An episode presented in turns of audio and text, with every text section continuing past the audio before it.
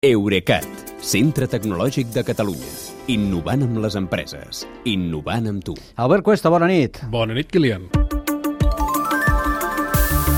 Aviam, això ens ho hauràs d'explicar. Empleats de Tesla, treballadors de Tesla, es passaven per xat vídeos captats per les càmeres dels cotxes dels clients de la marca? Per si no en teníem prou amb les càmeres de videovigilància dels edificis i dels fanals, ara també ens haurem d'amoïnar per les que porten els cotxes més avançats. Ja. Diversos empleats de Tesla han explicat a Reuters que entre els anys 2019 i 2022 era habitual que en els grups de xat del personal circulessin vídeos i fotos tant de l'interior dels cotxes com de fora, captats per algunes de les càmeres integrades.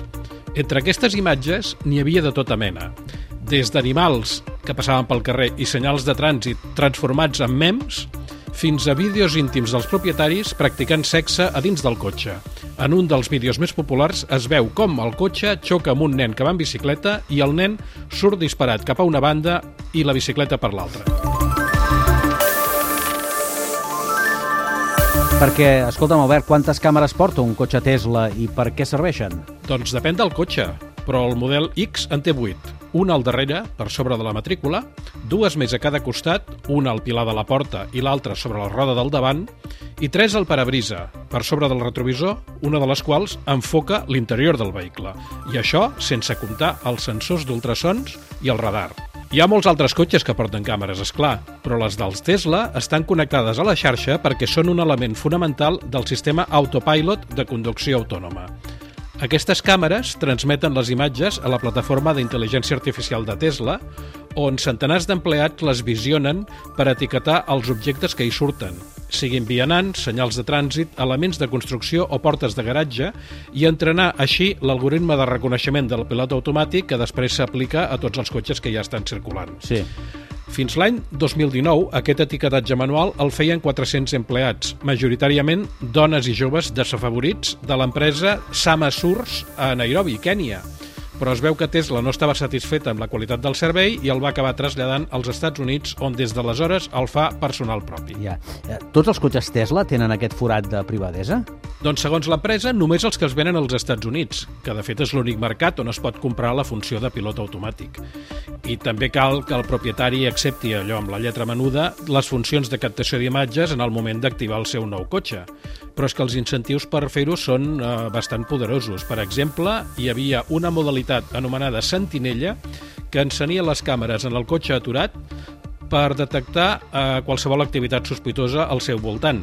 Però si el cotxe estava aparcat al davant d'una botiga, en alguns vídeos s'hi veia clarament la gent de dins de la botiga. Per no parlar això dels vianants que, parla, que passaven per la vorera sense saber que aquell cotxe els estava gravant i això eh, aixeca, diguem-ne, tota Clar. mena de suspicàcies en matèria de protecció de dades. Sí, sí, sí. En tot cas, sembla que els xinesos ja s'oloraven alguna cosa quan fa uns mesos, i ho vam explicar aquí mateix, van prohibir que circulessin cotxes Tesla a prop d'instal·lacions militars i fins i tot al municipi turístic on sol reunir-se la cúpula del Partit Comunista Xinès.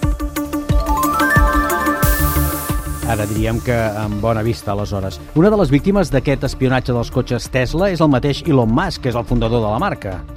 Uh, doncs sí, perquè entre els vídeos que circulaven pels grups de xat dels empleats de Tesla n'hi havia de l'interior dels garatges mentre els cotxes es carregaven.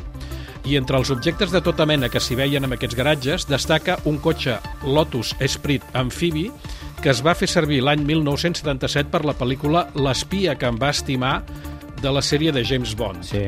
Uh, aquest cotxe de col·leccionista el va comprar un multimilionari l'any 2013 en una subhasta pagant gairebé un milió de dòlars. Aquell comprador era precisament Elon Musk i el vídeo estava fet des d'un dels cotxes Tesla a dins del seu garatge. Doncs ja ho sabeu, càmeres que ens espien, però vaja, Tesles, que són els únics cotxes amb els menús en català, també, eh? això també s'ha de deixar dit. Gràcies, Albert, i fins demà. Bona nit, Kilian.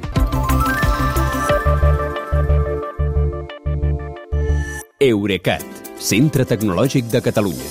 Innovant amb les empreses. Innovant amb tu.